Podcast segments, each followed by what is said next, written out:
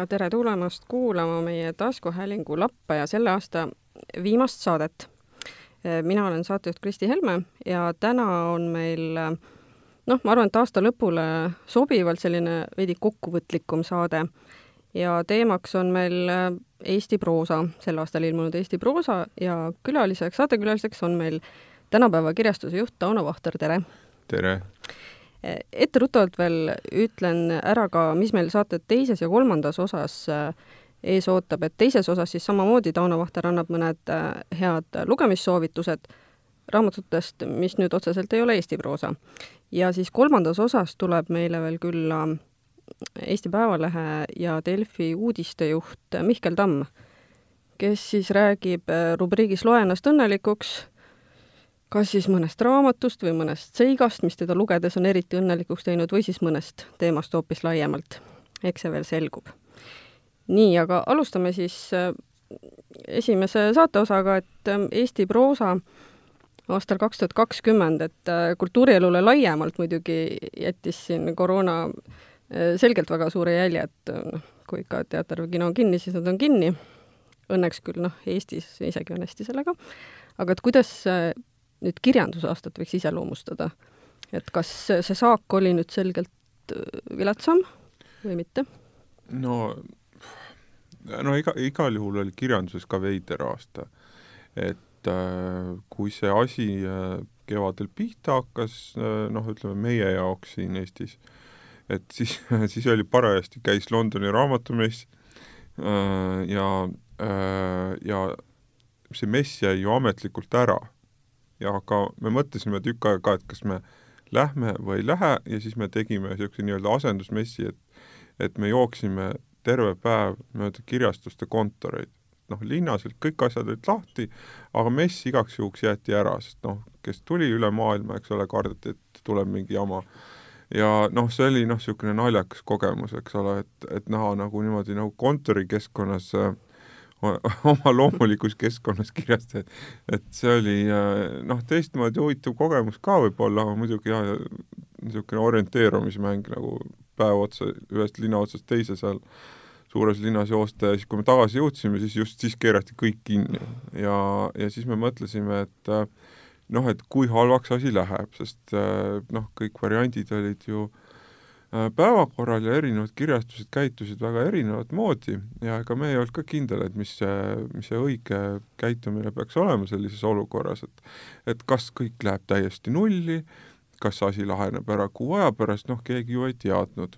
ja, ja laias laastus olidki siis erinevad kirjastused siis öö, äh, otsustasid kas keerata täiesti kinni, äh, siis võib-olla mõni väga üksik jätkas, nagu midagi poleks juhtunud, kuigi ma ei tea, kas neid oligi eriti, ja, ja siis noh, meie üritasime seal kuidagi niimoodi vahepeal pendeldada, et et me kusagil äh, vist kakskümmend protsenti või niimoodi avaldasime vähem raamatuid nagu. Ja aga mm, noh, selgus, et, et inimesed raamatuid tegelikult loevad ja, ja mõnes mõttes noh, ja ostavad ka aga lihtsalt äh, kui oligi see hetk, mil raamatupoed, füüsilised raamatupoed olid kinni, siis pudelikaelaks sai niisugune lihtne asi, et äh, kes postimüügis paneb raamatu ümbrikusse ja selle ära saadab, et oli noh, tekkis selline, selline nagu lihtsa töö pudelikael. Äh,, aga noh, postimüük korraks läk-, lendas lakke. Ja siis, kui poed tehti vist minu arust oli kuskil seal mai teisel nädalal või nii, tehti uuesti lahti, siis postimüük kukkus alla tagasi. ta oli küll natuke rohkem kui enne, aga noh, see postimüük lõi ikkagi ajutiselt täiesti lakke. ja noh, me nägime, et et, et see müük tegelikult, kuna me nägime, et müük tegelikult ära ei kukkunud, inimesed ostsid raamatuid ja võib-olla mõni ostis rohkem, sellepärast et kinno ei saanud, teatrisse ei saanud, kontserdile ei saanud, siis äh, lugemine muutus mõne jaoks nagu selliseks peaaegu et uueks tegevuseks, nii et äh, et noh, nüüd need esimesed andmed selle aasta kohta üle maailma hakkavad laekuma alles. Äh, no ja ütleme, et Eestis nüüd noh, ma ei julge veel öelda, kuna detsember on ikkagi väga tähtis kuu, et see on ikkagi umbes kaks korda rohkem äh, kui tavalise kuu äh, müük ja, ja lugemine võib-olla, aga ma tean, et soomlased näiteks juba ütlesid, et äh, nende selle aasta raamatumüük on tõusnud kakskümmend viis protsenti, et, et kindlasti viimaste aastate kõige suurem äh, raamatumüük, nii et äh, selles mõttes raamatu käekäik on olnud äh, täiesti teistsugune. aga mm, no ma ei usu, et ta Eestis kakskümmend viis protsenti plussi tuleb, kindlasti mitte, aga küsimus on võib-olla selles, et, et võib-olla ta jääb eelmise aasta tasemele mm. -hmm. et detsember otsustab, Soomes on siin nagu noh, see asi ka, et, et kuna ta on suurem riik, suurtes riikides on audioraamatud populaarsed ja päris palju sellest tõusust läheb äh, väga hea audiomüügi arvele. et Soomes, Rootsis audioraamatud müüvad hästi Eestis nad tulid ka müügile see aasta, aga noh, valik on esialgu pisikene ja, ja kuna meie rahvaarv on ikkagi väike, siis äh, noh, siis see, neid turge ei saa nagu päris hästi võrrelda. kuigi ma mäletan, sa oled ka ise maininud, et näiteks kui tuua näiteks e-raamatud, siis e-raamatud, just, et, et siin nüüd ei ole nad millegi uuega enam tegemist, aga nad ei ole justkui ikkagi saanud nii omaseks, et mm, kas audioraamatul võiks minna teisiti?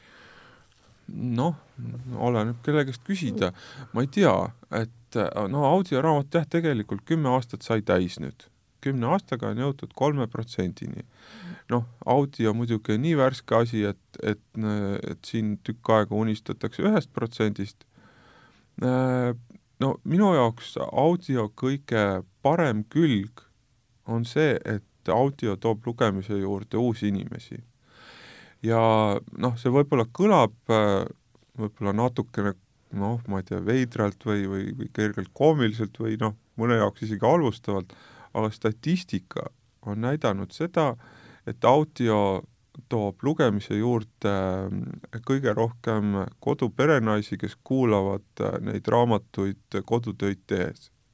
et mm -hmm. see on nagu siis nüüd üks grupp, mis on kas siis toodud raamatute juurde või toodud nagu juurde lisaks mingi, mingi osa neist. et äh, statistika on jah nii näidanud, et kõige rohkem kuulavad neid äh, noh, sellised äh, äh, kolme-neljakümnesed naised või, või ma ei tea, kahe-neljakümnesed naised.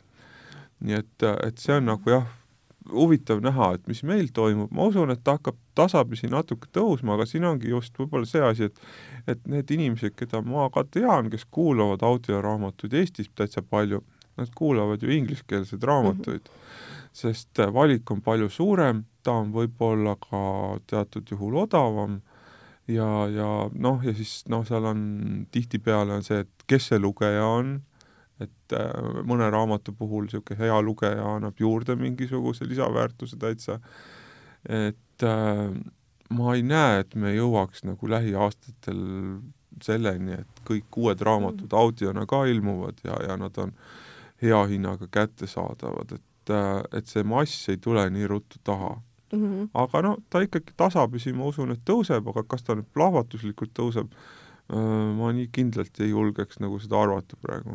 aga kui palju praegu üldse, ütleme, Eesti autorite teoseid me saame audios kuulata? no juttu on pigem kümnetest mm., mitte sadadest mm. -hmm. et minu arust see number on alla saja praegu mm. -hmm et aga ütleme e-raamatute puhul siis äh, see ikkagi on tõu-? ta on ikka tuhandetes, et e-raamatuid on kui ma ei eksi, siis see number on sinna nelja tuhande kanti mm. vist eestikeelsed e-raamatud.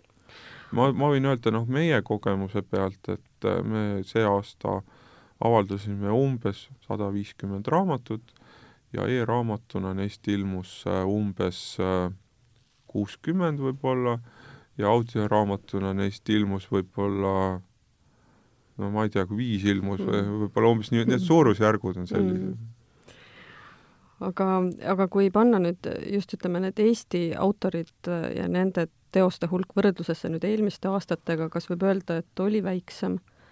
no siin nüüd äh, ei ole seda ametlikku Rahvusraamatukogu statistikat, mis tuleb millalgi vist veebruaris või umbes mm. niimoodi välja, aga no näha on, et äh,, et selle aasta äh, kogu raamatute uute trükkide number tuleb Äh, kindlasti väiksem kui eelmine aasta, äh, suvise seisuga kuskil kuue kuu pealt me vaatasime võrdlust eelmise aastaga, siis see vahe oli suur, langus oli kusagil kakskümmend viis protsenti, äh, suve lõpus, sügisel hakati hoogsamalt avaldama, kuna vaadati, et see koroona ei ole raamatutel nii suurt põntsu pannud, siis see vahe vähenes, aga no ma kahtlustan, et, et kusagil kümme protsenti vähem kui eelmine aasta ilmub küll raamatuid mis nüüd puudutab just äh, seda eestikeelse kirjanduse osa, siis noh, ma olen juba paar korda kuulnud seda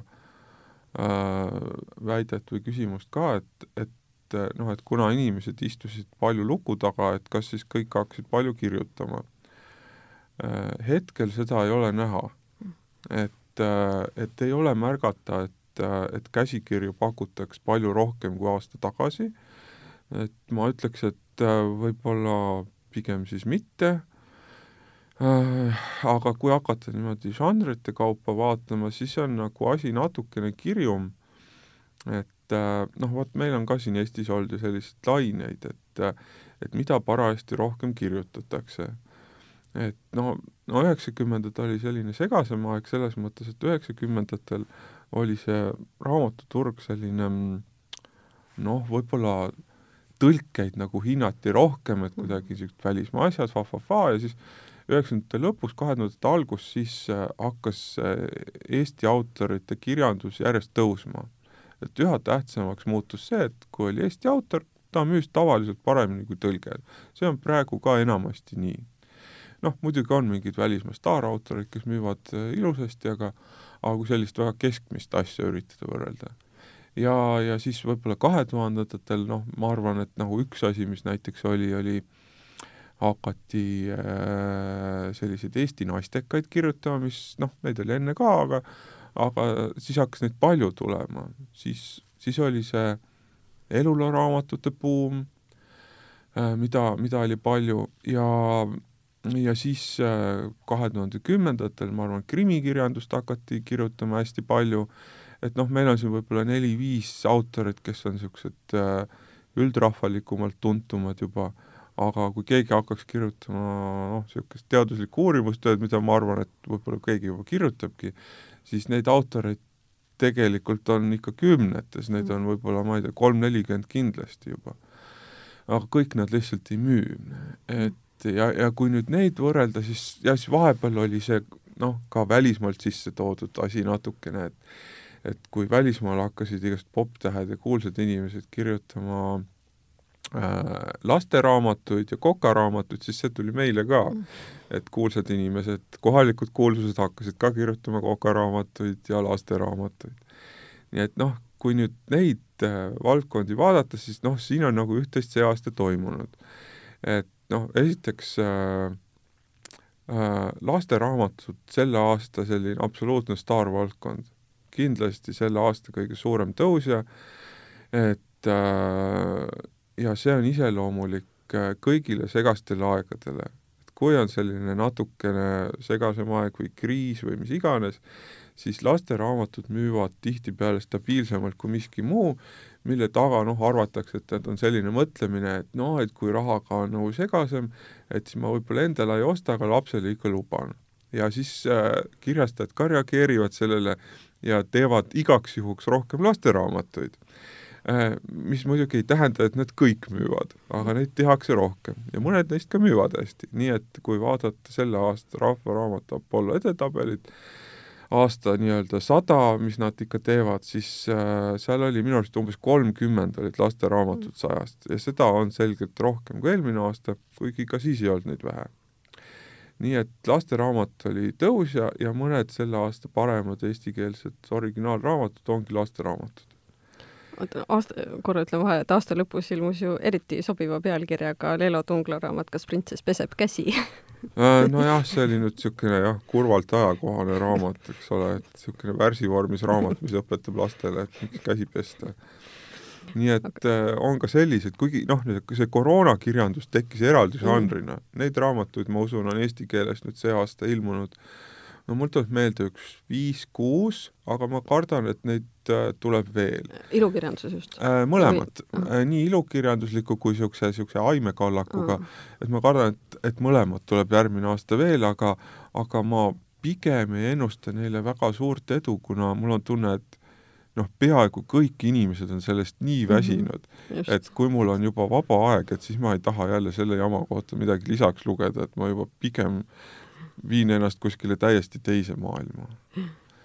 kas muidu iseenesest noh, ma lihtsalt oletan, et kas võib mõjutada mingil määral seda käsikirjade vähesust ka see, et järgmisel aastal siis toimub see Kirjanike Liidu romaanivõistlus, et hoitakse sinna mingil määral äh,? noh, see üldmassina nii palju ei mm mõjuta, sest mm-hmm. vot see käsikirjade arv ei ole ju sadades mm, -hmm. et äh, et neid konkursse on olnud ju aastate jooksul ju erinevad, et ka meie tegime vahepeal ja siis Pegasus mm, -hmm. vabandust, Pilgrimi kirjastus tegi seda bestselleri äh, konkurssi ja siis noh, ühel hetkel oligi niisugune natukene veider olukord, kus oli täpselt samal ajal kolm konkurssi, et põhimõtteliselt autor võis saata oma käsikirja kolmele konkursile, oli siis äh, Kirjanike Liidu ja, ja tänapäeva romaanivõistlus ja siis oli äh, Pilgrimi bestseller, kus äh, võis peale romaanide saata ka enam-vähem ükskõik muud mida, kas noorteromaani, lasteraamatut või elulugu. nii et äh,, et, et siis tekkiski selline ringlus, et sama käsikiri oli hästi mitmes kohas ja, ja nüüd ma olen nagu vaadanud ka need, et noh, ma tegin kunagi mingisuguse loengu nendest romaanivõistluse ajaloost Eestis ja, ja vot noh, see on nagu juhtunud, et kui kolmekümnendatel aastatel kaks kolmandikku olid mehed ja üks kolmandik naised, siis nüüd on täpselt vastupidi. keskmine Eesti ilukirjanduse autor on naine, kaks kolmandikku käsikirjadest on kindlasti naiste kirjutatud ja, ja tavaliselt äh, see käsikirjade arv ongi jäänud sinna kuskile Mm, kaheksa, seitsme, kaheksa, kümne kanti. Äh, kõige suurem äh, Kirjanike Liidu sellest uuest nüüd, mis oli vist üks aastat kuus-seitse tagasi, et nad said minu arust üle saja käsikirja mm. ja siis iga järgmisega see arv hakkas natuke langema, mis näitab seda, et seal olidki käsikirjad, mis ringlesid, need olid valmis juba. aga kuna nüüd need ringelnud käsikirjad on nagu noh, ennast nagu ammendanud või nad on otsa saanud, siis nüüd see number ei ole enam nii suur, et ma hästi ei usu, et sinna järgmisele konkursile nüüd kakssada või sada käsikirja tuleb, aga mingisugune kuus-seitsekümmend võib vabalt tulla jälle. nii et, et see, see ei ole nagu tavaliselt seda aasta avaldamisnormi nüüd nii palju muutnud, kuigi kindlasti igalt konkursilt ilmub ära mingi niisugune kümme-kakskümmend käsikirja, et äh, noh, žanrist on võib-olla veel see, ma mõtlesin enne, et, et on, et Koka raamat on nagu huvitav näitaja, mis oli kümme aastat tagasi tohutu tegija Eesti raamatuturul ja siis ta hakkas iga aasta langema. eelmine aasta, kui ma õieti mäletan, jõudis saja hulka veel ainult, kas oli kolm või oli kaks, mis näitab, et inimesed, äh, noh, see ei ole ainult Eestis, see on üle maailma nii, inimesed võtavad retseptid tänapäeval kuskilt Youtube'ist ja mujalt ja näed videot ja mis sa siis riiul on ka juba täis ja et, et noh, kokaraamatute müük järjepidevalt langes ja messidel kõik kokaraamatute kirjastajad olid üha hapuma näoga ja tavaliselt üritasid teha mingit muud asja juba. aga nüüd see aasta oli niisugune väike nõksak üles, mis näitas, et noh, nüüd istuti luku taga ja siis nagu küpsetati iga päev potisaia, nii et nagu korraks natukene kokaraamatud see aasta tõusid, et noh, tõenäoliselt see trend ei jätku väga kaua, aga inimestel oli aega ja tehti rohkem süüa. aga nüüd jah, ikkagi see romaani küsimus, et, äh, et see aasta äh, ütleme nii, et, et kui vaadata eestikeelseid äh, romaane, siis oli selgelt nõrgem aasta mm. -hmm. ja, ja seal on ilmselt mitu põhjust, et äh, ma arvan, et kõige suurem põhjus võrreldes siin võib-olla eelmise aastaga äh, kõige suurem põhjus oli see, et, et äh, ei ilmunud uusi raamatuid äh, nendelt nii-öelda A-kategooria autoritelt, kes Eesti lugejale kõige rohkem korda lähevad. ja see nimekiri on hästi lühike. see on selline ühe käe sõrmed nimekiri. et noh, loomulikult Kivirähk äh,, Indrek Hargla äh,, Tõnu Õnnepalu neil kõigil tuli eelmisel aastal äh, uus raamat, mõnel isegi mitu mm, -hmm. ja nad olid kõik edetabelis ja müüsid hästi. ja mm, sel aastal mitte üheltki neist ei ilmunud sellist äh, uut noh, ütleme romaani ei ilmunud neist üheltki, et noh, Õnnepall oli küll luulekogu ja, ja, ja siis Kivirähkil oli üks Kivirähkil oli üks äh, jutukene, mis avaldati eraldi raamatuna ja, ja Harglal ilmus vist ka mingi õudusjuttude kogumik, mis oli mitmest autorist kokku pandud, et et noh, et see näitab, et, et meil on nagu see äh, püramiidi tippautorid, kellest lugejad väga lugu peavad, see on suhteliselt kitsas, et nii kui neilt ei tule uut peale, siis see on mhm. kohe nagu tabelis ka näha. sest need, kes on juba sealt äh, noh, võib-olla siia saab mõne üksiku nime veel lisada, ma ei julge isegi kohe, noh, me ütleme, et noh, näiteks kui ma ei tea, Viivi Luigel tuleks uus romaan, ma usun, et see oleks ka seal äh, ja, ja noh, võib-olla mõne nime siia saab veel lisada, aga kindlasti mitte viis mm. -hmm. et, et täpselt äh,, täpselt nii suur see, nii suur see nagu A-kategooria lugejate-ostjate jaoks tundub -hmm. olevat. et ja, ja noh, noh, pessimistlikum äh, vaade oleks siis see, et äh, et sel aastal ei ilmunud äh, ühtegi eestikeelset romaani äh, mis oleks äh, laiemale lugejale väga korda läinud. Mm -hmm.. noh, kui vaadata edetabeleid, siis see lihtsalt nii on. et võib-olla järgmine aasta tulevad jälle nagu mõned ja võib-olla tuleb veel ka mõni üllataja, näiteks eelmine aasta oli, et eelmine aasta äh, ütleme, müüsid nagu üsna hästi ka äh, Susan Luitsalu romaan müüs üsna hästi. äh,, ja, ja minu arust ka Eija Uusi romaan müüs äh, päris hästi. nii et noh, siia võib nagu keegi veel lisanduda, et see ei ole nüüd nii lukus nimekiri, et, et noh, üht-teist sõltub ikka konkreetsest raamatust ka.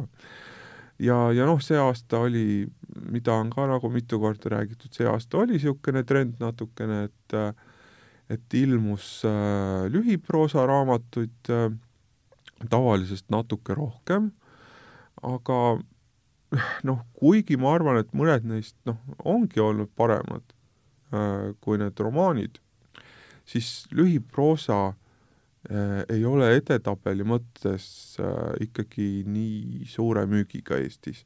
et noh, kui su nimi on juhtumisi Kivirähk, siis noh, siis võib-olla on jah, aga, aga muidu pigem ei ole aga kui ütleme, see kasina, kasinapoolset aastat selles mõttes vaadata, et millised äh, need, ütleme, et sinu jaoks ikkagi need tipud äh, olid, et mida ikkagi võiks nagu välja tuua? no äh, vot siia tuleb nüüd võib-olla juurde panna nüüd see, sellised äh, äh, žanri piiril olevad raamatud äh,, mis ei ole kõik nagu selline tüüpilises mõttes äh, klassikaline puhas ilukirjandus mm., et noh, sellest äh, lühemast proosast äh, mulle endale meeldis Piret Raua jutukogu Kaotatud sõrmed, kus on kolmteist juttu, mis on sellised noh, sellised äh, mitte küll kõik, aga, aga osa neist vähemalt on sellised pisut sürrealistliku kiiksuga, et, et see oli minu arust äh, päris sümpaatne raamat. siis äh, sügisel ilmunud asjadest veel äh, Äh, Mudlumi uus raamat, äh, mille täpse pealkirjaga ma natuke hädas, see oli vist Mitte ainult minu tädi Ellen. jah, just, Mitte ainult minu tädi Ellen. Äh, mis on siis, ütleme, laiendus ühest tema varasemast siis noh, ma ei tea, kas novellist või jutustusest või kuidas seda nimetama peaks äh,, aga noh, see on nüüd just see žanri määratlus, et kas see on nüüd ilukirjandus või ei ole, mm, et et, et põhimõtteliselt see on ikkagi äh, tema pereloost inspireeritud ikkagi üsna üks-ühele, et noh, ta on selline, noh, ma ei tea, vahel öeldakse kõik need autofiktsioon ja ilukirjanduslik äh, poolelulooline ilukirjandus, et kuidas seda määratleda, et, et noh, et jah, et siin on nagu, seda ma saan aru, nagu loetakse kahte moodi, et et kes, kes loeb seda nagu sellepärast, et noh, et see raamatu nii-öelda peategelane on Juhan Smuuli äh, üks Juhan Smuuli naistest, aga olgem ausad, Juhan Smuulist seal raamatus ei ole peaaegu midagi juttu, et noh, eelkõige on see ikkagi raamat sellest, kuidas äh, perekond üritab hakkama saada sellega, kui inimene on äh,, ta on alkohoolik, tal on äh, ütleme, süvenev vaimuhaigus äh,, ta on oma äh, elu elanud äh, teise inimese varjus ja, ja ja kuidas siis nüüd teised üritavad ka sellega nagu hakkama saada või siis noh, või siis pigem võib-olla ei saa hakkama, et see on selline üsna niisugune tõsine lugemine, aga, aga noh, päris äh, huvitav, et noh, ma võib-olla võrdleks seda natukene võib-olla selle Jeanette Wallsi raamatuga ka äh, Klaasloss, mis noh, on ka selline noh, niisugune natukene ilukirjanduslik, elulooline, aga, aga päris huvitav. Äh, ja noh, aasta lõpus siin nüüd äh, äh, romaanidest äh, ju ilmus ka ju Vahur Afanasjevi äh, uus romaan, kuigi mulle tundub, et see ei ole nagu võib-olla äh, lugejate poolt päris sama vaimustusega vastu võetud, kui nüüd noh, Serafima mm. ja Bogdan oli väga populaarne, et ma ise arvan, et noh, põhjus on Äh, suures osas teemavalikus, et äh, siin oli üritatud natukene niimoodi rahvusvahelisemaks minna ja, ja kergelt ka niisugune, kergelt ulmeline teema sisse tuua, et et, et äh, see näitab jällegi seda, et Eesti lugejale meeldib niisugune natukene maalähedasem teemavalik ja kõik see, nii et äh, aga sulle endale see meeldis, Afanasjev oma äh,? võib-olla minu jaoks see niisugune lause on äh, natukene liiga külluslik kohati oh., nii et äh, et selles mõttes ta ei olnud mul endal nüüd nii kohutavalt suur lemmik. ja ma äh, lugesin ka hiljuti äh, Martin Alguse äh, uut raamatut, see on ka jutukogu Tagamaa, mis äh, mul olid nagu ütleme, küllalt niisugused äh, positiivsed ootused sellele, et raamatus on kümme äh, kümme lühilugu ka, mis on seotud äh, siis Eesti ajalooga või nad siis kulgevad kuskil aastast tuhat üheksasada kaheksateist kuni tänapäevani välja äh,.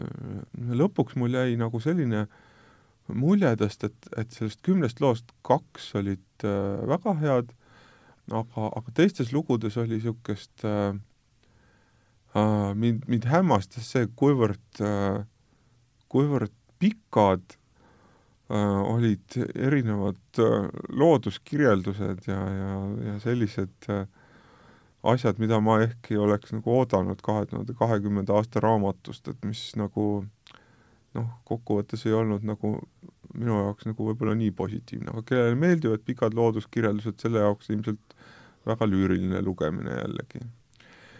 ja äh,, ja siin noh, aasta lõpupoole ka just äh, tuli äh, Aino Perviku mm -hmm. mälestuste raamat, mis nüüd äh, noh, mälestuste raamat on jälle natukene niisugune vale sõna võib-olla, et noh, tegelikult ta on selline, koosneb sellistest killukestest peamiselt äh, äh, noh, lapsepõlvest ja noorusest äh,, et nendest äh, vähemalt üks osa on ilmunud äh, Loomingu numbrites varem et ta on sul suhteliselt väike raamat, selline umbes äh, kaheksa või üheksakümmend lehekülge, aga noh, mulle meeldis, et ta oli kirjutatud sellise äh, tundliku, tundliku stiiliga, nii et tundus päris sümpaatne. aga noh, nagu ma kuulsin siin, et kui sügisel oli jälle äh, äh, järgmise kirjanike palgasaajate komisjoni arutelu öelnud, kus iga hageja või taotleja peab esitama ka oma tööplaani, siis äh, kuuldavasti on, on väga palju mahukaid romaane plaanis kirjutada kõigil, nii et jääme siis huviga ootama, mis järgmised aastad toovad. kas muidu sel aastal ka midagi oli sellist, ütleme, mõni autor või romaan, mis üllatas, et ma lihtsalt mäletan, et sa ise, ma arvan, et see oli millalgi suvepaiku tõid esile Kalle Käsperi Ime. Äh, Kalle Käsperi jah, Ime on selline hästi spetsiifiline raamat, et et noh, tegelikult ta ei ole üldse selle aasta raamat, et ta vist kirjutatud juba mitu aastat tagasi.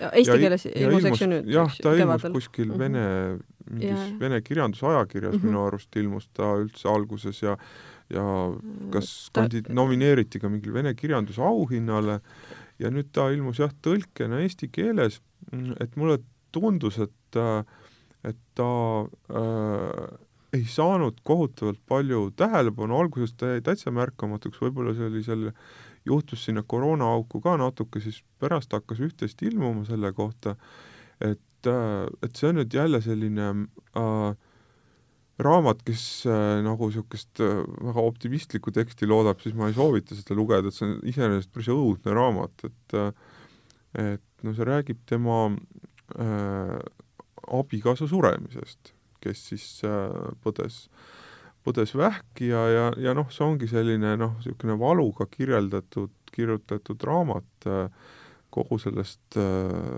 nagu protsessist ja nende armastusest ja, ja, ja siis noh, ütleme selle, selle nagu kooselu finaalist, mis on siis suures osas kuskil Hispaania haiglas üleüldse, et, et see on jah, ühest küljest see on päris jube tekst, aga ta on Äh, aga no ta on kahtlemata sellise suure emotsiooniga kirjutatud, nii et selles mõttes ta oli täitsa huvitav lugemine.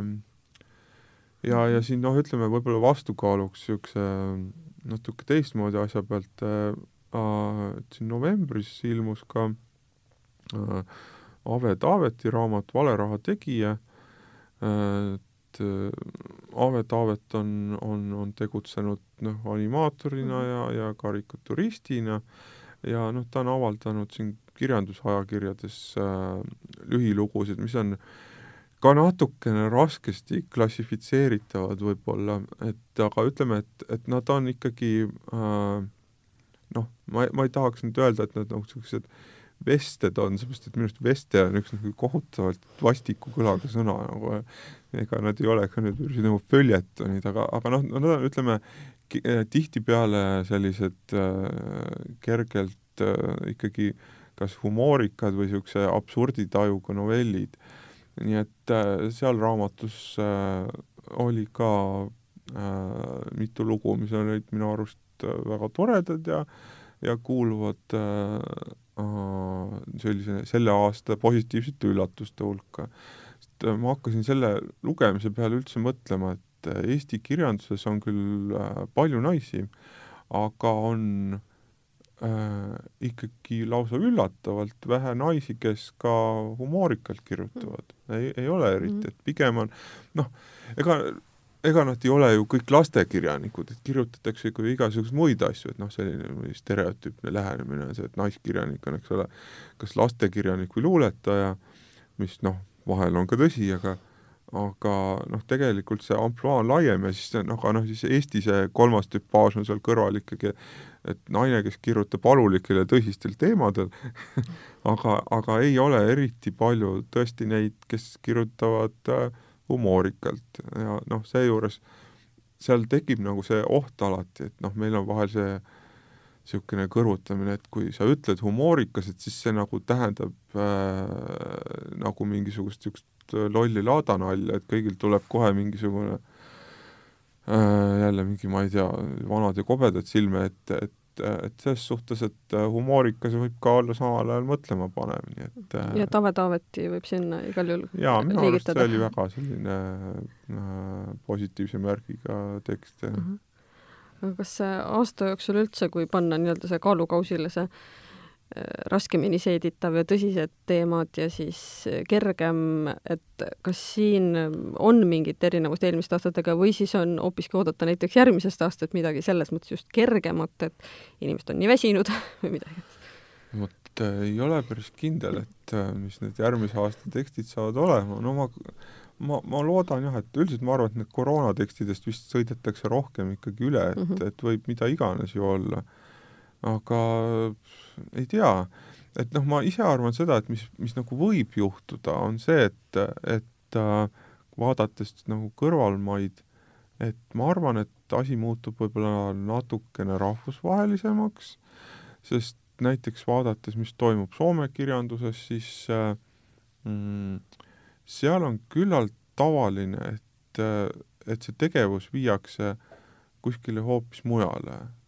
Et Eesti autorid teevad seda vähem. et noh, muidugi see on tõsi, et, et Eesti lugejad tavaliselt pigem äh, huvitab see Eestis toimuv asi, aga see sõltub natukene raamatust.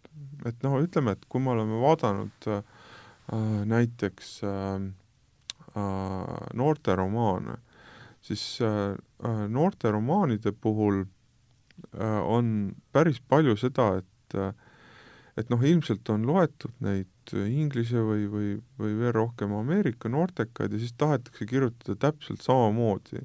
ja siis tulevad need käsikirjad, kus on äh, inglise nimedega noored, kes elavadki kusagil Texase väikelinnas ja no me oleme tavaliselt nendele autoritele öelnud, et ärge tehke nii. et isegi, kui see tegevus äh, toimib äh,, siis äh, noh, Eesti lugeja äh, ei taha seda reeglina. Mm. et kirjutage sellest, millest te paremini teate, kirjutage sellest, mis toimub siin, pigem. aga mis puudutab niisugust täiskasvanute kirjandust äh, nii-öelda, siis äh, ma arvan, et, et seal võib juhtuda nagu see, et, et, et nagu rohkem hakatakse ka nagu äh, rohkem hakatakse ka nagu Eestist võib-olla välja minema, kuigi no ma ei tea, et noh, samas Vahurahva naissu või romaanis ju on seda juba äh, ka selgelt, siis äh, Kaur Riismaa äh, raamatus on mitmes, et seal võib lugejal tekkida suur küsimus üldse, et kus need üldse toimuvad, et see on mingid sellised teist, täiesti teises aegruumis äh, tegevuspaigad, et ma arvan, et neid asju võib tulla natuke juurde, aga, aga see igal pool ei ole, nii et ma tean, et ma siin rääkisin ühe vene kirjastajaga, siis minu jaoks oli suur üllatus, et et kui näiteks vene kirjastus avaldab noorteromaani, see on ikkagi vene autor, eks ole, aga nad panevad sellele autorile inglise nime ja muudavad tegelas, tegevuskohad kuskil Inglismaal, Ameerikasse. et nemad on selles etapis või seisus, et neile ei tohi müüa noorteromaani, mis toimub Venemaal. et nad, nad noh, kõik, ma ei tea, mingisugused Dima Nikifoorumid muudetakse seal Michael Walshideks ja nii edasi, et, et see on täiesti kummastav vaadata. aga jah, et, et selles mõttes jah, iga turg on natukene erinevat nägu mm aga kuhu, kuhu on praeguseks jõudnud Eesti krimi, et selles mõttes siin olid jah, just, et nagu sa varem ka tegelikult mainisid, et kahe tuhande kümnendatel siin oli nii-öelda tõusulaine ja olid meil ju siin, Katrin Pauts oli väga edukas ja Pirk Rohelend ja mitmed, et kuidas, kas sellel aastal vist, ma tean ainult seda Ain Küti kuldse medaljoni mõistatust Sagadi paruni mõrvalud, aga muidu e, on ju, on ju veel see äh, Muinas-Eesti sari ka veel äh,, Koorti äh, koorti omama, see, mm. see võib olla isegi ma ei välistaks, et nendest nii-öelda Eesti krimkadest see aasta võib-olla isegi kõige edukam mm., kuigi noh, võib-olla ütleme, et eelmise aasta sügisel ilmunud Hargla võib-olla kokkuvõttes on ikkagi rohkem müünud. et no see näitabki seda, et et, et, et, et on võimalik sellist ajaloolist äh, need on ju kõik ajaloolised nagu niisugused küll eri sajandites, aga et noh, hästi palju on võimalik selles edasi-tagasi liikuda äh,, ma usun, et neid tuleb juurde, et noh, et, et seda võib vaadata nüüd täiesti teistpidi nagu, et niisuguse äh, nii-öelda tellimustöö ettevalmistamine, et äh, äh, et vaatame teistpidi, et mis ajast ei ole. et noh, et noh, siin on ju võetud nagu ikkagi selgelt nagu sellised äh, noh, niisugused olulised perioodid ja siis on paigutatud sinna tegelane lihtsalt. et siin on võetud äh, noh, muinasaeg, muistne vabadusvõitlus fa-fa-fa, paneme sinna ühe sarja, noh, ühe saab teha, nelja ei saa. nii, siis see on võetud niisugune keskaegse või noh, natuke hilisema aja noh, niisuguse Hansa-Tallinna äh, tegelaskuju, see on tehtud, siis on äh, tsaariaegne, aga äh, ei ole näiteks äh, Esimese Vabariigi aegset äh, edukat sarja praegu, üksikud raamatud on ilmunud, edukat sarja ei ole, et noh, et see on kogu see asi, mille peal äh, kogu see Kristi maailm ratsutab, et mm. -hmm. noh, mida noh, mis moodustab põhimõtteliselt kolmkümmend viis protsenti ETV eetriajast. Ja mul on tunne, et need kõik rekvisiidid tulevad sealt nagu ühest laost, et noh, nad on nagu lihtsalt selle masinavärgi nii hästi tööle saanud nagu mingi Disneyland. aga et noh, seda saaks teha äh,, on üritatud ka mingi äh, noh, nõukaaegseid sarju käima panna, aga need ei ole veel väga edukad olnud. et noh, siin on ju näiteks see, see, see äh, viie-kuuekümnendate äh, uurijale keskenduv Martin Kuke sari, kus on ka juba kolm raamatut mm. -hmm. aga ja noh, kaasaja omad äh, noh jah, ilmselt Pauts, ma kujutan ette, on neist võib-olla kõige rohkem müünud ikkagi. et ma usun, et kindlasti tuleb juurde, et kindlasti tuleb juurde, et küsimus on, et kui edukas, no nad on ikkagi nagu eestlase jaoks praegu mõeldud, et ei ole sellist suurt rahvusvahelist edu neil veel praegu et äh, Harglat on küll tõlgitud äh, juba äh, mõnedesse keeltesse, aga noh, ütleme, et ta on ikkagi eelkõige mm, Eesti autor. et noh, see on nagu ikkagi see, mis nagu noh, üldiselt ei tasu hakata kirjutama selle mõttega, et ma kirjutan rahvusvahelist bestsellerit, kirjuta kõigepealt oma lugejatele ja kui see juhtub hästi välja kukkuma, siis võib-olla tõlgitakse ka, kuigi eelkõige sa kirjutad ikkagi eesti lugejale, selles, see on ikka üsna kindel. aga kellel, ütleme, viimastel aastatel on läinud rahvusvahelisest aspektist nii-öelda kõige paremini, et keda üldse on Eesti kirjanikest kõige eh, menukamalt eh, tõlgitud? no kui vaadata tiraaži mõttes mm, -hmm. siis äh, minu teada kaks kõige suurema tiraažiga eestikeelset raamatut äh, viimase kümnekonna aasta jooksul on, noh, ühest on palju räägitud, üks on äh, Andrus Kivirähki äh, mees, kes tundis ussisõnu mm -hmm. prantsuse keeles, et äh, seal langesid kokku mitmed äh, mitmed asjaolud, äh, mistõttu noh, ka prantslaste jaoks natukene ootamatult see raamat osutus äh, väga edukaks, et seda müüdi ikkagi kümneid tuhandeid eksemplare Prantsusmaal, mis on äh, ka nende jaoks ühe tundmatu äh, autori tõlke kohta palju. ja ma saan aru, et seal oli noh, tõesti, et seal oli ühest küljest äh, soodsate, soodsad arvustused suurtes ajalehtedes, kirjastuse töö äh,, väga ilus kaanekujundus äh,, hea promo ja, ja kuidagi see tekst äh, noh, vaid tõlge pidavat hea olema, et noh, et oli, kõik oli hästi kokku langenud kuidagi. et ja selle peale hakati seda tõlkima ka mitmetes muudes riikides, kes enne ei tahtnud, aga ma saan aru, et noh, neil ta ei mm. kordunud.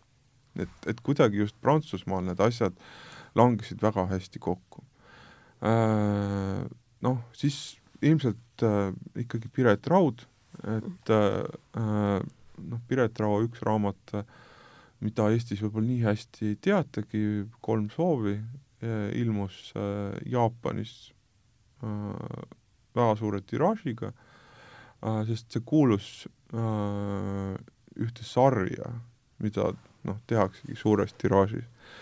muidu on, muidu on Pireti raamatud väljaspool Eestit ka just Prantsusmaal äh, väga head va vastukaja saanud, kusjuures huvitav on see, et äh, kui ma nüüd ei eksi, siin midagi päris hiljuti pole muutunud, siis äh, mitte ühtegi Pireti raamatut ei ole hetkel tõlgitud veel äh, Skandinaavia keeltesse. Mm.. aga Kesk-Euroopas läheb tal palju paremini.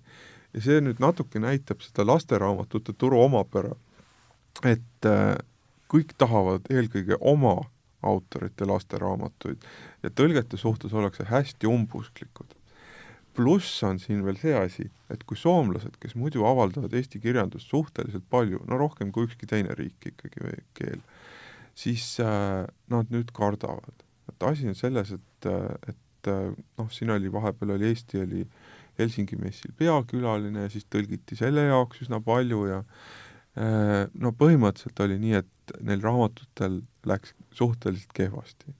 ja seepeale neile tundus, et kui need ka ei lähe nüüd, et mis me siis üldse teeme.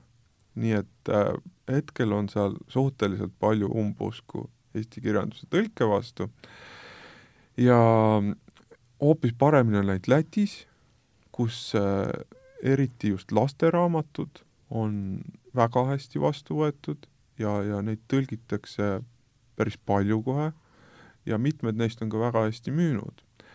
Äh, üht-teist on ka nüüd Leedus liikuma hakanud, jällegi eelkõige lasteraamatud, äh, aga samamoodi noh, on tulnud siit ka nagu ütleme mm,, Poolast ja, ja, ja Sloveeniast, et et äh, need viimased ka just mm, Piret Rauda on seal olnud, aga noh, läti keelde on tõlgitud juba, juba märksa rohkem autoreid, on läinud Lotte lugusid äh,, Anti Saar, Kairi Look, et noh, on, on täitsa erinevad. aga vastupidi, vastupidi vist ei ole väga palju, et Läti vähe. lastekirjandust eesti keelde?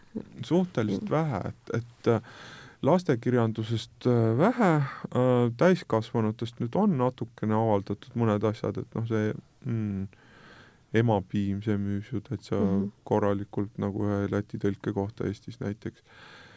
ja noh, Leedu kõige tõlgitum autor on, on ka lastekirjanik Kestutis Kasparavitšus, kellel on minu arust üks kolmkümmend keelt vist umbes nagu ma ei tea, Poolast Vietnamini, et äh, tükk, tükk aega eesti keeles ei, ei julgenud keegi teha, nüüd nüüd tehti kaks raamatut eesti keeles, et ta on just tuntud oma niisuguste hästi fantaasiarohkete piltide poolest äh,.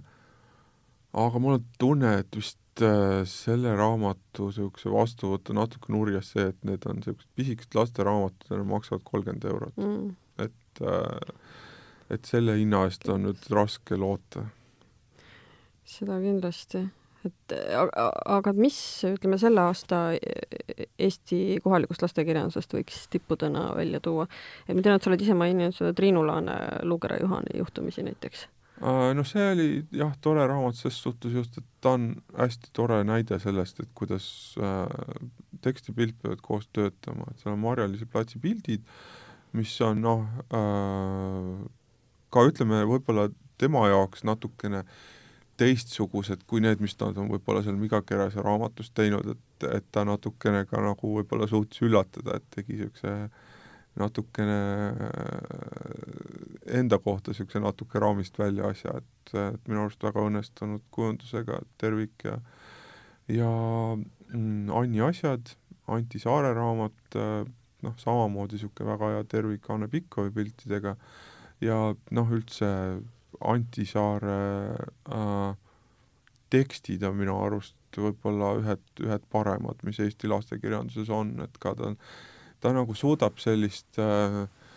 äh, tuua sellist äh, mingit täiesti teistmoodi häält äh, sinna juurde, et noh, ma ei tahaks nüüd öelda, et see on ainult sellepärast, et ta on nagu meeslastekirjanik, keda ju noh, ei ole ka nagu liiga palju, aga noh, üht-teist on ikka ju, et äh, noh, Ilmar Tomusk on ju ka ikkagi näiteks mm -hmm. väga populaarne, aga see on selline natukene teistsugune, võib-olla ka natukene teise põlvkonna esindaja, et selles suhtes väga, väga positiivne näide jälle ja siin noh, sügisel, sügisel ilmus ka ikka veel äh, päris mitu muud asja, et noh äh,, mulle meeldis ka mm, teine Anti Saare raamat, mis ta oli, mingi Suur pannkoogitegu või midagi niisugust mm -hmm. oli ta pealkiri äh, et see on nagu iseenesest naljakas, et sellest saaks ka juba eraldi doktoritöö, kui palju on Eestis lasteraamatuid pannkookidest, et me tööl lugesime üles ja saime vist mingi kuus või seitse juba kokku, et see on eraldi diskursus täiesti.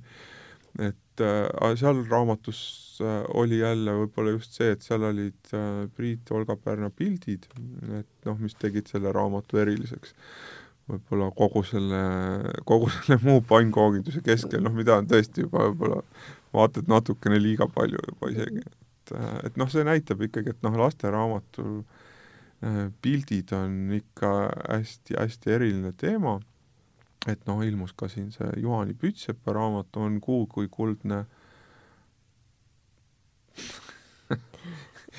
Mul üks sõna jäi pealkirjast puudu. Jah, et mis, mis sai äh, selle Lastekirjanduse Keskuse äh, aasta Rosina preemia et äh, mis on selles suhtes võib-olla natuke jah, ka niisugune ootamatut tüüpi lasteraamat, et see räägib äh, äh, räägib ajaloost, et ta räägib äh, neljakümne neljandal aastal üle mere Rootsi põgenemisest. Ja see oli selles suhtes väga omapärane, et et siin äh, autor tundis äh, Läti illustraatorit Kundega Musikantet äh,, äh, kes on noh, küll Lätis ikka väga tuntud lasteraamatute illustraator ja, ja see oli selles suhtes väga omapärane niisugune koostöö, et kuidas niimoodi äh, kahe keele peale see kokku panna ja ja siis oli veel see koroona kevadine suvine tipp parajasti ja autor oli, illustraator oli karantiinis koos nagu lastega kusagil kodus, et siis kõik see töö läks selle võrra aeglasemalt ja nii edasi, et aga siis ma arvan, et niisugune hästi ebatüüpilise käekirjaga lasteraamat, kui teistega võrrelda. aga et ähm, kui, kui kui, kui rääkida sellisest asjast, see on võib-olla veidi isegi mõnes mõttes teemast natukene välja, et kui ütleme, auhindade jagamise ja müügiedu selline seos, et ma saan aru, et Soome, Soome-Finlandia mõjutab Soome ost-, soomlaste oste tohutult, aga tohutult et ma saan aru, et kas Eestis on siis see, et meil kulka aastapreemia kevadel üle antakse? see mõjutab natukene, aga see ei mõjuta nii palju Eestis jah, et noh, Soome on jah, tundub, et ta on lähedal ja kole sarnane meile, aga mõnedes asjades ta on ikka väga teistsugune, et et see Soome kirjanduspilt on ikkagi tegelikult üsna erinev. et, et isegi, kui sa arvestad rahvaarvu, siis Soomes äh, ikkagi selliseid romaanikirjanikke on palju rohkem. ei maksa arvata, et nad kõik on kohutavalt edukad, ma arvan, et Soomes on ka võib-olla noh, kindlasti alla kümne kirjaniku, kes kirjutamisest ära elavad, neid ei ole seal rohkem aga jah, kui ma õieti mäletan, siis see statistika on nagu näidanud, et kes saab Finlandia preemia, siis ta müüb ikkagi enam-vähem minimaalselt nelikümmend tuhat eksemplari, mis on ikkagi Soomes ka väga-väga palju. sest tavaline Soome tiraaž ei ole tohutult suurem kui Eestis. Äh, kui sa ei ole väga tuntud autor, see tiraaž on pigem kaks tuhat, ta ei ole kümme tuhat. nii et kui võrrelda selle Eesti mingisuguse seitsme-kaheksasajaga, siis see vahe pole üldse nii suur. noh, Eestis äh, preemiatega on nii, et sõltub, millist preemiat võtta. Äh, no meil on ikka jah, see niisugune küüniline nali olnud, et keegi saab Nobeli ja siis meil on raamat tulemas, siis teeme viiskümmend tükki rohkem. no võib-olla tõesti, sõltub autorist ka ikkagi. ega sa ei müü äh, tuhande asemel kaks tuhat või viiesaja asemel tuhat viissada, kui keegi autoritest Nobeli saab. natukene paraneb müük, aga, aga mitte tohutult. Äh, kõik teised välismaa preemiad ei loe mitte midagi et, et sa paned sinna kaanele, et Pulitzeri võitja, no mit-, mitte kedagi ei huvita, see võib-olla kaks tükki müüb selle pärast. Pukkeri preemia, noh, tõenäoliselt umbes sama, ja mingi igasugust Kalli Maardis või ütleme, konkuuridest ja, ja streegadest pole mõtet rääkidagi, et noh, see ei mõjuta suurt midagi. Finlandia preemia veel vähem ilmselt. nii et, äh, et tuleb siis võib-olla jah, vaadata neid Eesti preemiaid äh,, no Eestis ütleme, kaalukuse mõttes on kaks asja teistest üle, et äh, noh, ütleme, üks on siis äh, võib-olla see Kultuurkapitali proosa aastapreemia, aga sõltub sellest, kes selle saab. kui selle saab selline raamat, mis äh, paneb inimesi õlgu kehitama, siis see eriti palju ei muuda, aga noh, raamatukogud ikka hakkavad selle peal natuke rohkem ostma, nii et mingi elavnemine toimub et meil on ühe kulka aastapreemia peale olemas kogemus, et see kuu, kui see raamat sai preemia, ta müüs seitse eksemplari. nii et see ei pruugi midagi tähendada. siis, mis võib muuta, on ähm, äh, romaanivõistluse peapreemia, aga äh, sõltub, jällegi sõltub raamatu teemast. et äh, noh, piltlikult öeldes vahe on see nüüd, et et, äh, et kas selle preemia sai, ütleme, Serafima ja Bogdan äh, või selle sai Paavo Matsini raamat. et tõenäoliselt äh, nende tiraaži vahe on, ma ei tea, neli korda on ta küll, võib-olla isegi mm -hmm. rohkem, võib-olla viis korda. nii et ainult preemia pärast Eestis mm, ei, vist, vist, vist mitte jah. ja noh, teised preemiad, igasugused äh, ma ei tea, Douglased, Alverid, kõik muu, et noh, väga suurt kõikumist nad ei tekita, et noh, seal on ka tihtipeale see asi, et see Äh,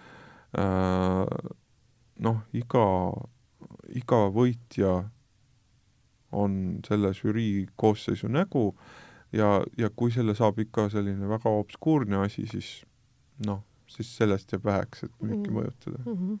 nii et ikkagi nimi ja teema valik võib öelda on need kõige jah, ja muidugi igaks juhuks ikka, noh muidugi promo ikka ka, Jaa, et kui on ikka ka- promo taga, see ikka aitab, eks jaa, ole. kindlasti, Jah, seda kindlasti. Nii, aga me esimese saatuse peamegi vaikselt äh, hakkama siin kokku võtma, et äh, et ma loodan igal juhul, et äh, kirjastustel järgmisel aastal ka jätkuvalt hästi läheb ja muud peale koroona teile ka ikkagi antakse käsikirjade näol.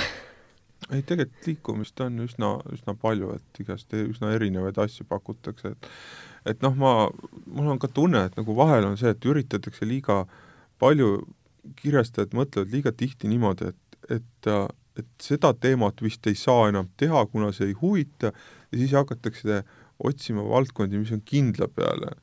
ja siis noh, viimased aastad on selgelt näha, et siis kindla peale siis üritatakse teha liiga palju krimi näiteks mm. -hmm. et äh, krimist on täielik uputus praegu. aga samas, kui sa vaatad seda müügi edetabelit, seal saja hulgas oli ainult kolm krimi, mis näitab, et see läheb nagu kitsale seltskonnale võrdlemisi ja tegelikult äh, selline laiem lugeja ei suuda neid kõiki ära tarbida, et neid ilmub liiga palju mm. -hmm.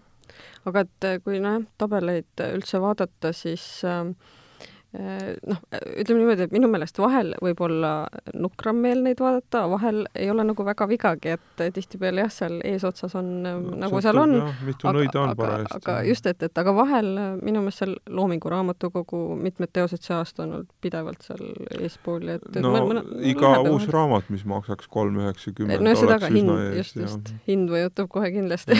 Mitte, et ma nüüd väidaks, et need on halvad raamatud, seal on ikkagi mitu väga head raamatut ilmunud ka see aasta.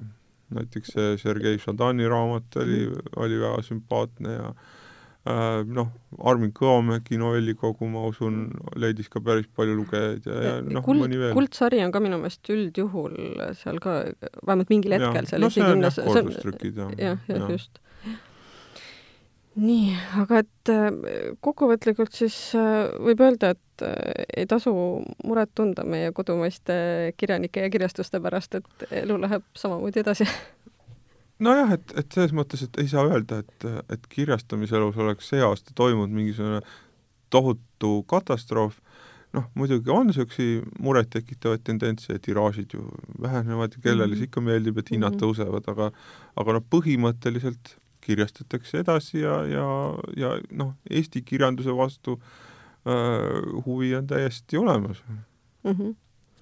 nii, aga väga tore, et siis nüüd pärast äh, pisikest pausi annab siis Tauno Vahter ka mõned head äh, lugemissoovitused veel siia aasta lõppu. mitu tükki ma saan anda, omad valida nii, mi-, mi-, mida sa siis soovitad veel meil lugeda kohe niimoodi konkreetselt, mõned, mõned soovitused võib-olla äh,?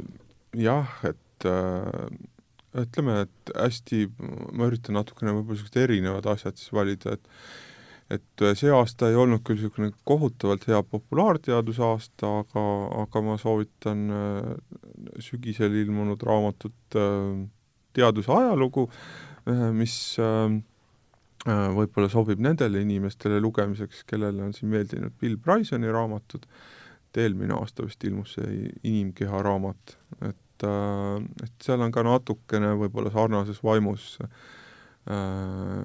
üsna palju lugusid erinevate teadusalade mingitest läbimurretest ja teadlastest ja siis mingisuguseid veidraid lugusid ka natukene inimlikul tasandil detaile nende juurde, et mitte niisugune kuiv faktipuru, et et see oli äh, päris sümpaatne raamat, siis äh, äh, minu arust elulugudel see aasta kohutavalt nagu niisugust lööki ei olnud, et äh,, et ilmus küll igast sotsiaalmeediategelaste elulugu, seda enamik neist ei huvitanud inimesi väga palju, aga siin nüüd äh, eelmine nädal ilmus äh, Mati Nügese elulugu pealkirjaga Elu oli life äh,, mis äh, oli päris ähm, noh, ütleme niisugune meeleolukas lugemine selles mõttes, et noh, ma saan aru, et äh, Mati Nüganen inimesena ei pea olema nagu kohutavalt meeldiv kõigi jaoks, aga, aga noh, raamatuna see oli päris huvitav, et siin oli nagu niisugused vastandlikud küljed olemas.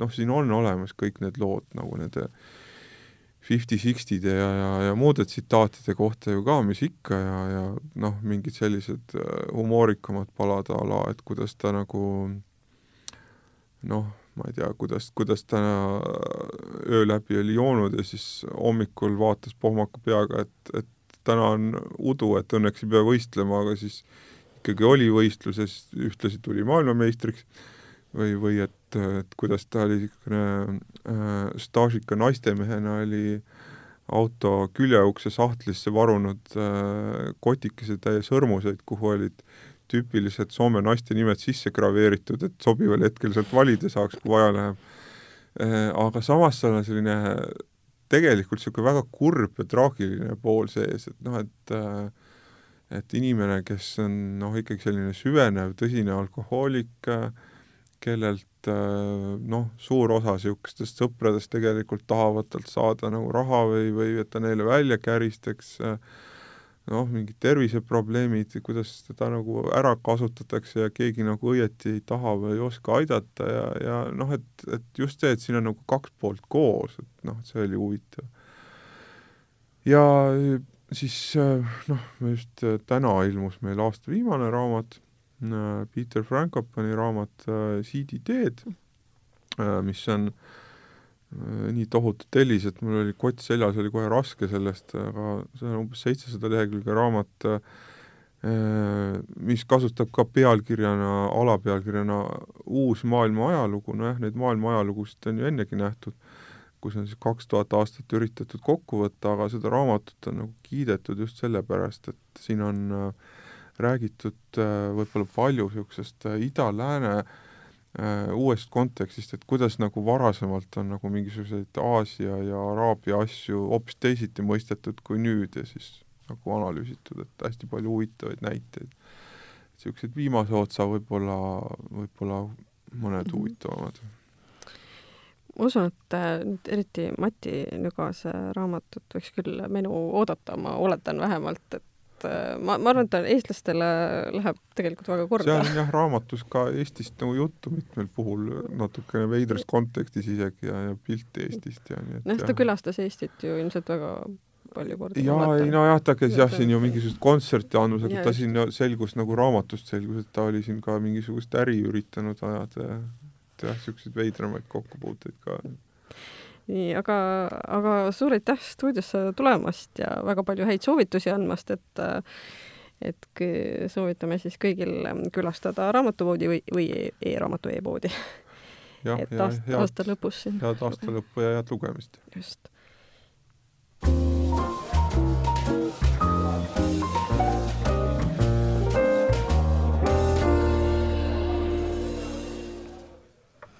ja tere tulemast tagasi kuulama taskuhäälingut Lappaja.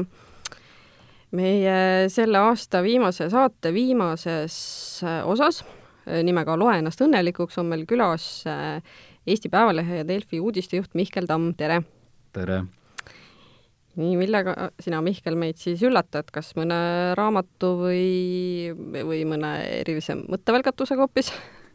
Ma arvan, et ma ei äh, üllata eriti mitte millegagi, vaid äh, kinnitan kõigile, et äh, et kõik, kes kuulavad ja mõtlevad, et nad on veidrad, et tegelikult on see vast laiemalt levinud probleem, vähemasti ma tahaksin nii uskuda, et vähemasti mina ei ole selles probleemis üksi ja nimelt see on see, et raamatutes tekib väga pikk järjekord ja kuhi. ja ma olen endale kirjutanud siia mõtte üles, et see on üks niisugune loogiline veidrus mis mind eh, ennast painab ja see seisneb sellest, et ma ei suuda eriti jätta raamatuid pooleli.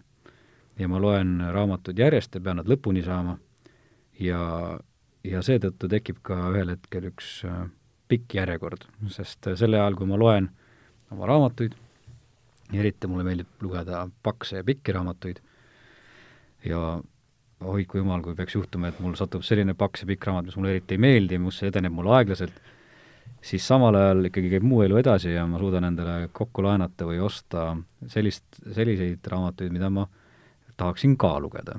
ja nii see, nii see järjekord või ummik järjest tekib ja, ja pikeneb. ja, ja nii ongi, et, et sellised, sellised olukorrad mul tekivad ja see kuhi nendest raamatutest, mida tahaks lugeda, aina, aina pikeneb. Aga sind ei, sugugi ka ei hirmuta, ma saan aru, suured tellised ja saavad läbi loetud ka need? jaa, no kahe tuhande kahekümnes aasta iseenesest mulle nagu raamatu lugemise mõttes ongi olnud selliste mahukate, mahukate teoste lugemise aasta. et äh, ja nüüd võtta siia juurde veel see, et tegelikult aasta siin meedia, meediamajas on olnud väga kiire seda hetk, et, et ennast pühendada nende raamatute lugemistele on alati vaja kuskilt mitte leida, vaid lihtsalt jõuga võtta. Ja no ma olen sel aastal suutnud nüüd läbi töötada siin äh, selle Ein, Ain Randi allika, mis oli oma kaheksasada lehte ja siis äh, Anniko rusikad, mis oli oma kaheksasada lehte ja ja minu jaoks on need nagu sellised saavutused, et ma olen suutnud äh, suutnud ikkagi nagu ära lugeda ja kusjuures mulle on need väga meeldinud, et äh, see on ka, see ongi see, mis mind on ka õnnelikuks teinud. Need loomulikult ei ole ainult ainsad raamatud, mida ma, mida ma lugenud olen, vaid selles ummikus, samal, ühel ajal, kui ma olen nagu lugenud neid mahukaid teoseid, on nagu olnud vahepeal ka väiksemaid jubinaid, aga need on ka läinud kiiremini ja need, need ei ole nagu ummikut tekitanud. ja, ja nüüd tulles nagu selle juurde, et mis siis mis siis nagu õnnelikuks teeb selle lugemise juures, siis üks neist on selline, ma ütleks kaks, kaks punkti, üks neist on lihtne ja labane, üks on see, lihtsalt ongi see, et see hea tunne, kui sa saad raamatu läbi ja sa oled jõudnud ühe looga lõpuni. ja eriti, kui see on olnud selline mahukas teos, millesse sa oled väga palju investeerinud enda aega ja ja, ja avastanud seda, et et sa oled kuidagi hakanud ennast suhestama selle raamatuga et sa oled andnud ka iseennast investeerinud sellesse raamatusse ja kui see lõpuks jõuab läbi, siis on selline kurb ja rõõmus hetk korraga. ja teine asi, mis teeb õnnelikuks, on nagu, võiks nagu tähtsam asi isegi, on see, kui nendest raamatutest leida midagi sellist, mis äh, tänast päeva või minu elu sellel hetkel või üldse ühiskonnas toimuvat aitab kuidagi mõtestada või seada, seada konteksti või näha, et keegi on, keegi on suutnud toimuvat sõnastada lihtsal ja loogilisel moel. Ja, ja, ja ma ütlen, et äh, tegelikult nendest suurtest raamatutest, mida ma olen lugenud, eriti, eriti näiteks Miga Valderi romaanid, kust ma seda väga palju leian, et äh, nendest suurtest raamatutest ma leian seda rohkem kui nendest väikestest jubinatest siis mm. -hmm. aga et kui just jah, sellised äh, suuremad elamused välja tuua, et siis kas võibki öelda ka, et see Anniko rusikad oli ka üks selline äh, selle aasta elamustest? ta oli enamustest jah, ta oli natuke üllatavalt mulle isegi elamus ja samas ei olnud ka üllatavalt mm, -hmm. et et ma väga, väga tegelikult ei võta uisapäisa raamatuid ja mm, -hmm. ja selle, see raamat, eks ole, jõudis minuni ka läbi selle, et tuli see uus trükk sellest ja ma lugesin üsna mitu arvustust selle kohta, pluss Ekspressis oli see väga huvitav lugu, mis rääkis Anniko enda saatusest mm -hmm. ja see tõstis mm -hmm. kogu mu huvi selle vastu ja ja miks ma selleni ei olnud varem jõudnud, oligi see, et mul olid mõned muud teised tellised ees ja, ja siis ma võtsin ta käsile, ta oli alguses mõnevõrra selline, võttis aega, et käima tõmmata, et ähm, nagu siin olen ka sõpradele öelnud, et väga äge raamat, aga tuleb kakssada viiskümmend lehekülge läbi lugeda ja siis läheb nagu käima järsku. ja see on ka loogiline, et need äh, alguses, eks ole, ikkagi laotakse seda vundamenti, et tegelased ja mis nende taustad on ja kuidas nad omavahel suhestuvad ja siis ühel hetkel see kõik hakkab omavahel põimuma ja lugu läheb käima, et äh, jaa, mulle meeldivad sellised suured lood, kus on palju, palju liine ja, ja tegelikult on võimalik näha protsesse pikemas perspektiivis ajal mm,.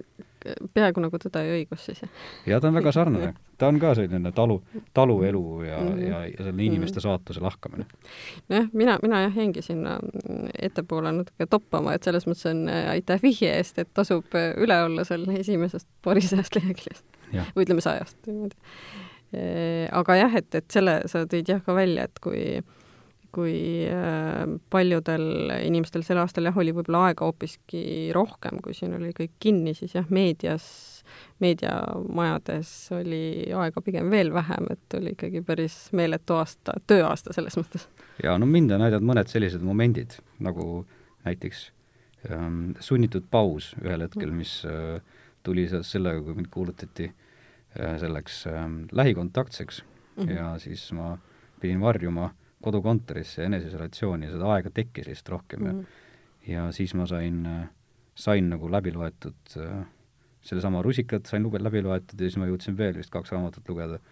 et aga noh, teistega oli niimoodi, et nagu ma ütlesin, ma ei suuda raamatut pooleli jätta ja mul sattus kätte seal üks Sherlock Holmesi mingi kaasaegsem ähm, käsitlus või väljamõeldud lugu, mis oli minu arust suhteliselt niisugune jama ja naiivne äh,, aga õnneks ta oli ainult seal paarte lehekülge, et selle ma, ma tegin kähku üks-null sellele ja ma sain edasi minna kuskile, mis on nagu parem ja seal oli ja, ja noh, nüüd ma võtsin kätte selle Helleri Catch twenty two, mis mm -hmm. eesti keeles ilmus. et sellega, sellega ma olen mhm. täitsa alguses veel ja nüüd äh, ma loodan, et rahulikum jõuluaeg lubab mul, mul mm -hmm. sellega ka nagu toime tulla. nõks kakskümmend kaks siis, eks ju, eestikeelsest. Si-, siiani meeldib mm. -hmm. siiani meeldib. jaa Äh, aga aitäh, Mihkel, meile külla tulemast ja selliseid äh, põnevaid soovitusi andmast ja tuletamast ka meelde, et ähm, ei tasu ka aastal kaks tuhat kakskümmend sugugi et äh, saada hirmutatud tellistest, vaid tasub, tasub ette võtta, et tulemus nii-öelda on vaeva väärt. jaa, võtke aega, aeg teeb õnnelikuks. just nii, aga mm, meil on siis äh, läbi saanud nüüd äh, selle aasta viimane saade, saate esimeses osas oli külas tänapäeva kirjastuse juht Tauno Vahter, kes siis rääkis selleaastasest Eesti proosast ja üldse kirjastamisest ja kirjastamise elust natuke laiemalt. ja siis järgmise saate uue aasta äh, siin jaanuaris siis ühesõnaga äh, teeb meil uus saatejuht äh, Peeter Kurmašov.